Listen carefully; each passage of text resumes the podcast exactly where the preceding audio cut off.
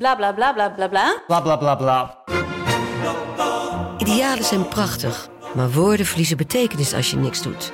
Dus laten we met z'n allen wat minder praten en meer doen. Bij Agmea zijn wij vast begonnen. Zo gaan wij voor minder verkeersslachtoffers, gezonde werknemers en duurzame woningen. Waar ga jij voor?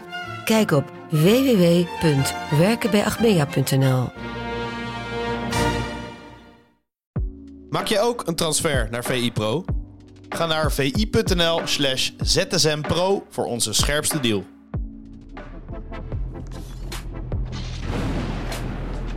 Goedemorgen Tim, welkom in de nieuwe aflevering van de VI ZSM. Goedemorgen. Goedemorgen, we hebben ehm, dinsdagavond mooie wedstrijden gezien. We hebben Kvaratskhelia weer uitzien blinken, ook een penalty ze missen overigens. Maar we hebben vooral genoten van Liverpool-Real Madrid, of niet? Ja, dit was wel een, uh, een klassieketje. Ehm, je hebt wel eens van die wedstrijden dat je eh, op een gegeven moment toch je telefoon erbij pakt en een beetje gaat zitten, zitten kijken wat men over de wedstrijd zegt. Of zelfs andere dingen gaat doen op je telefoon. Ja, zeker de eerste helft. En ook omdat er in de tweede helft heel snel goals vielen.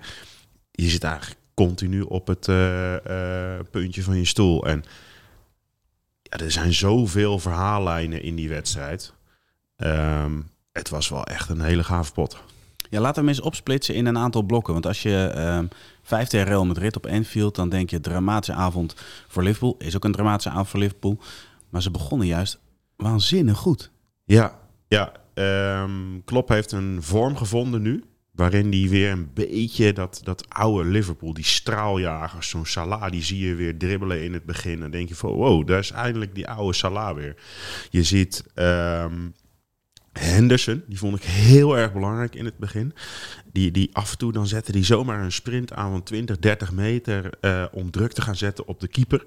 En uh, in het e eerste 10 minuten kwartier slaagden ze dus erin om uh, Real onder druk te zetten, om ze de bal te ontfutselen en om ze terug te dringen.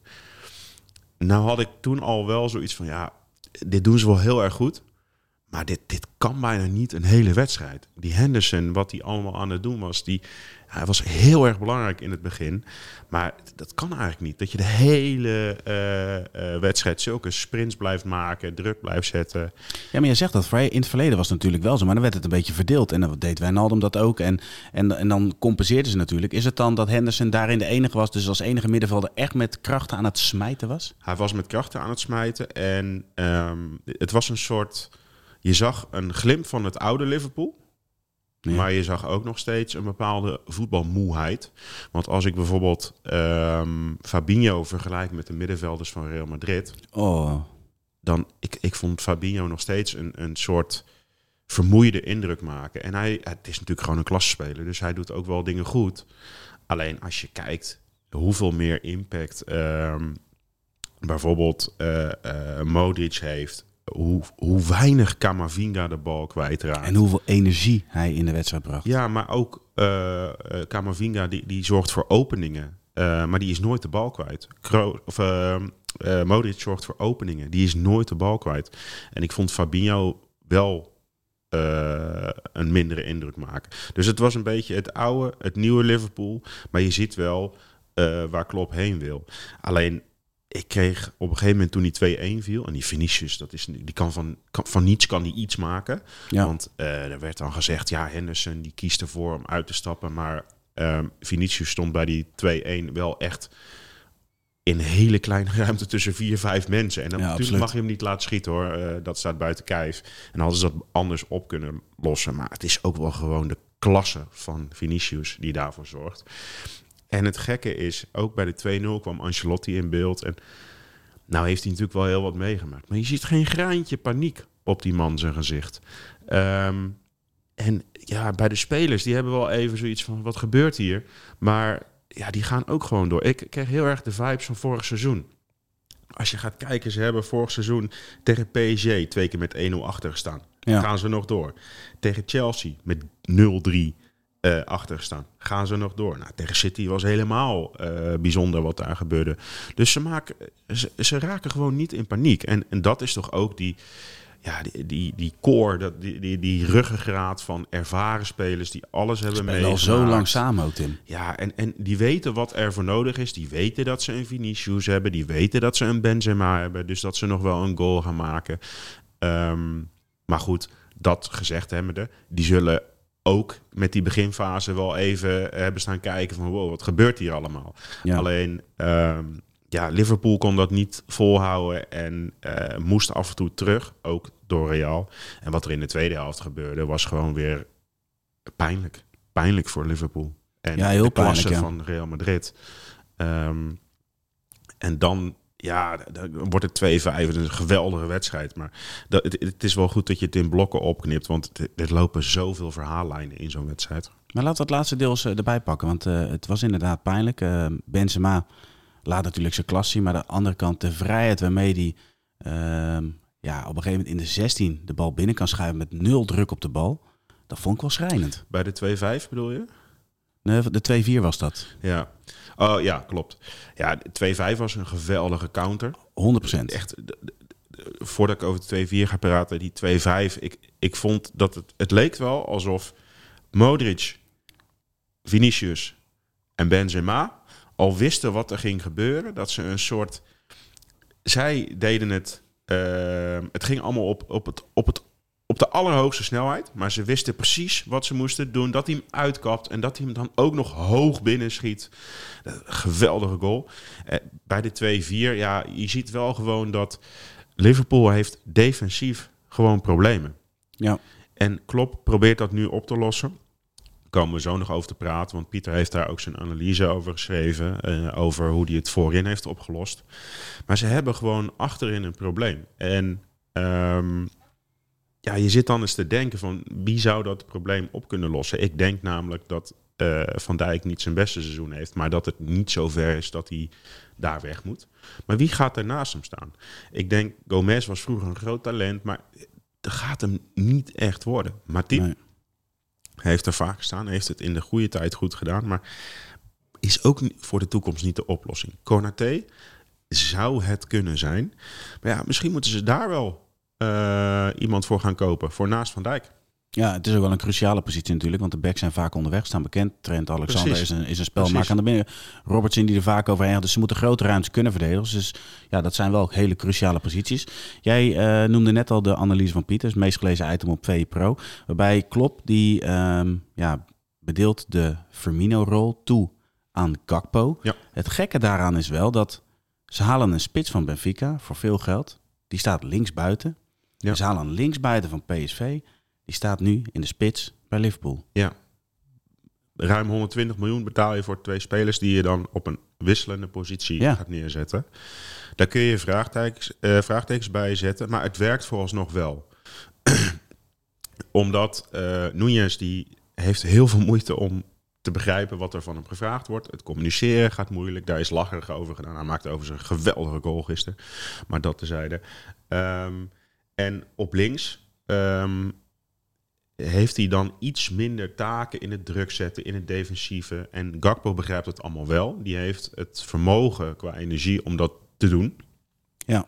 Ehm, je ziet ook in die beginfase, zie je Gakpo in het druk zetten echt veel ballen binnen. Gewoon echt hoog op het veld. Ehm, en deze huidige speelwijze zorgt er dus ook voor dat Salah weer eh, wat gevaarlijker wordt. Want als je Salah alleen maar aan de zijkant plakt en er is geen ruimte om achter de defensie te komen of naar binnen te komen, dan heb je niet zoveel aan die man die vroeger zoveel scoorde. Dus ehm, dat gezegd hebbende, hij doet het ook om wat meer controle op het middenveld te krijgen. Ja, Ja, maar dat is eigenlijk Gakpo, eh, behalve druk zetten, moet hij ook paaslijnen naar het middenvelders dichtzetten. Dat is eh, het recept dat Firmino jaren Ze worden iets robuuster. Ja. Ik moet wel eerlijk zeggen, die Bajcetic is een heel groot talent. Maar Ja, maar vond- vooral aan de bal. Zonder bal is het toch nog wel ja, kwetsbaar. En, ja, en ik vond ook dat hij gisteren aan de bal af en toe risico's nam op posities waar dat eigenlijk niet kon. Dat hij hem één keer eh, breed speelt, in, Ja. met één keer raken.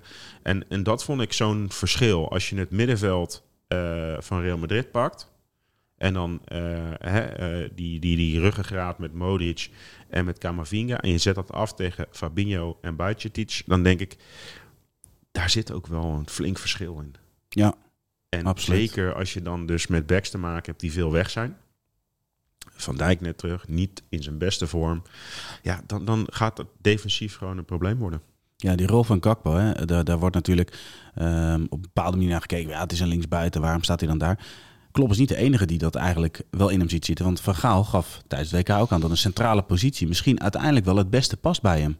Al dan niet in de toekomst. Hij heeft natuurlijk een ehm, mix van kwaliteiten die hem daar best wel geschikt maken. Ja, Ehm, want hij gleed gisteren in de, volgens mij was het al in de vijfde minuut of zo, gleed hij op een heel belangrijk moment onderuit. Maar hij kan zomaar dan een bal breed leggen of schieten en hè, eh, dan kan hij zomaar gescoord hebben.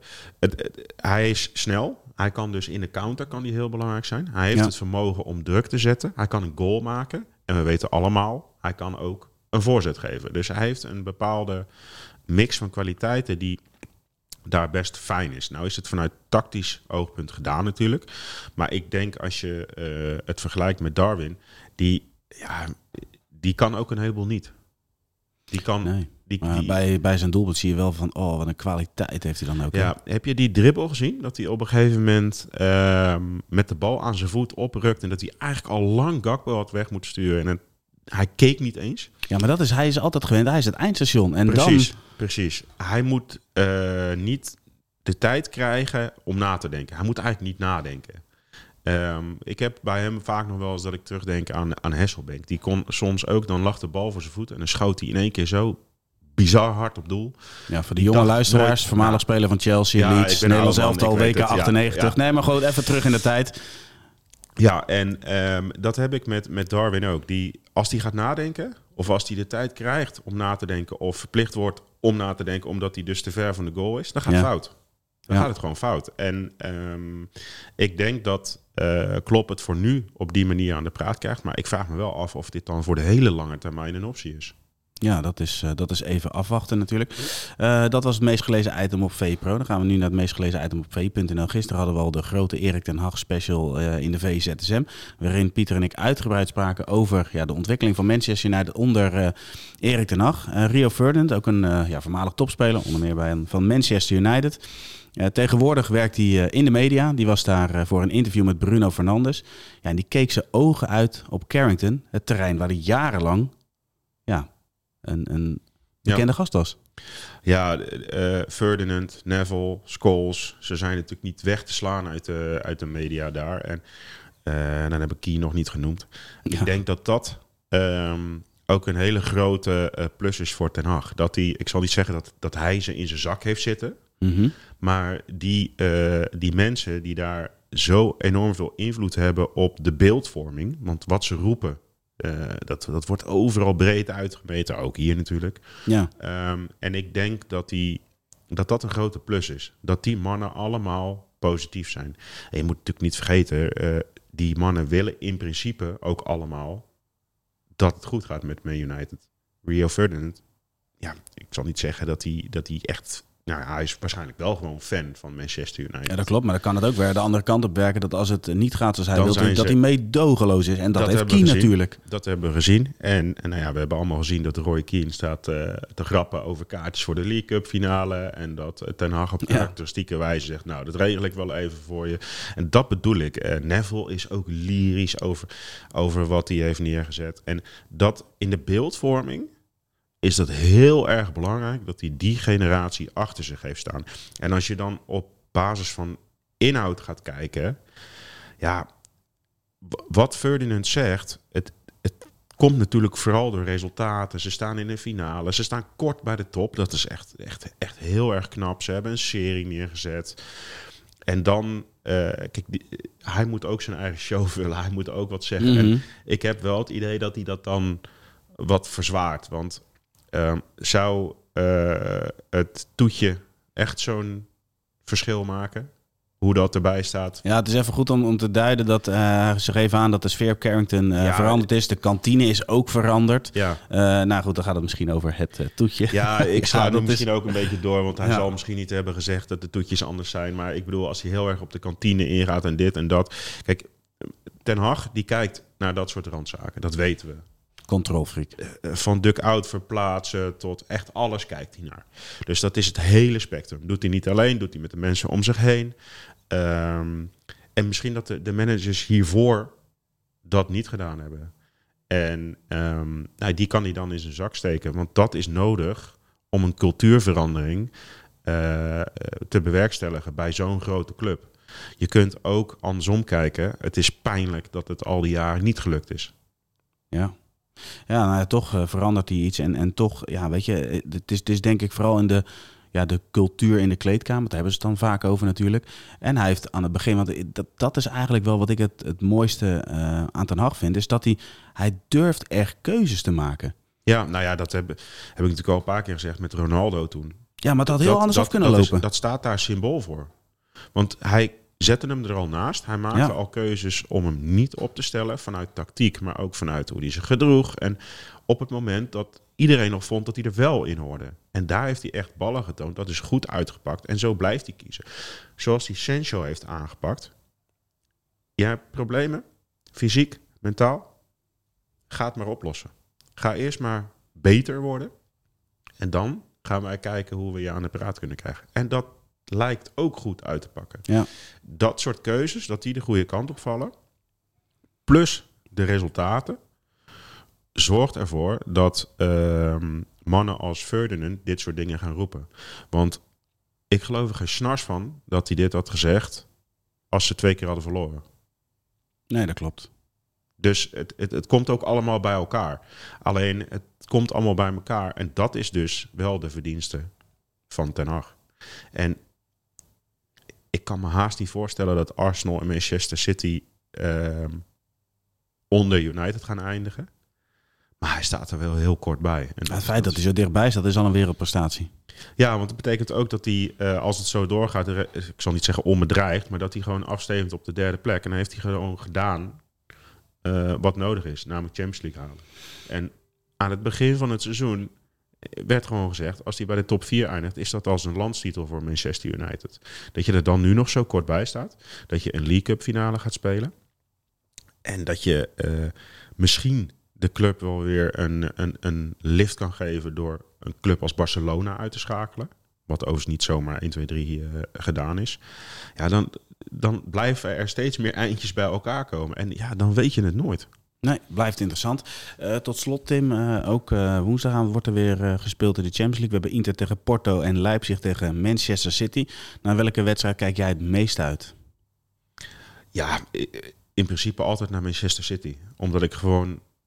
Ik vind het fascinerend om te zien hoe Guardiola keuzes maakt. En hij is vrij gevoelig voor de opmerking dat hij af en toe doorslaat. Dan slaat hij namelijk weer door in, in persconferentie. Ik vind wel dat hij af en toe het misschien iets te ingewikkeld maakt. Maar er zit wel altijd een gedachte achter. En die gedachte, dat vind ik altijd wel fascinerend. En ehm, gisteren tijdens zijn persco was hij ook weer vrij uitgesproken over wat hij eh, de afgelopen jaren eh, met Manchester City in de Champions League heeft gedaan. En hij zei op een gegeven moment, ja, ik had het gevoel, wat ik ook doe, het lukt toch niet. Eh, nou, daar is hij nu vanaf, zegt hij. Ehm, ja, ik ben heel erg benieuwd hoe, hoe, die, hoe die het gaat neerzetten. En ehm, ik denk dat eh, Manchester City nog steeds ehm, met eh, Bayern of PSG, welke er doorgaat, de grote favoriet is. Natuurlijk Real Madrid erbij. En dan Napoli werd her en der, volgens mij zei Gullit dat hij eh, het de kandidaat vond. Ehm, ik reken ze wel bij de kandidaten, Mhm. maar ik denk wel dat City, Bayern, Real nog grotere favorieten zijn in de Champions League dan, eh, dan Napoli. Ja, duidelijk. Tim, dankjewel voor jouw bijdrage aan deze VZSM. Morgen zijn we uiteraard weer terug met een nieuwe aflevering. Tot ziens.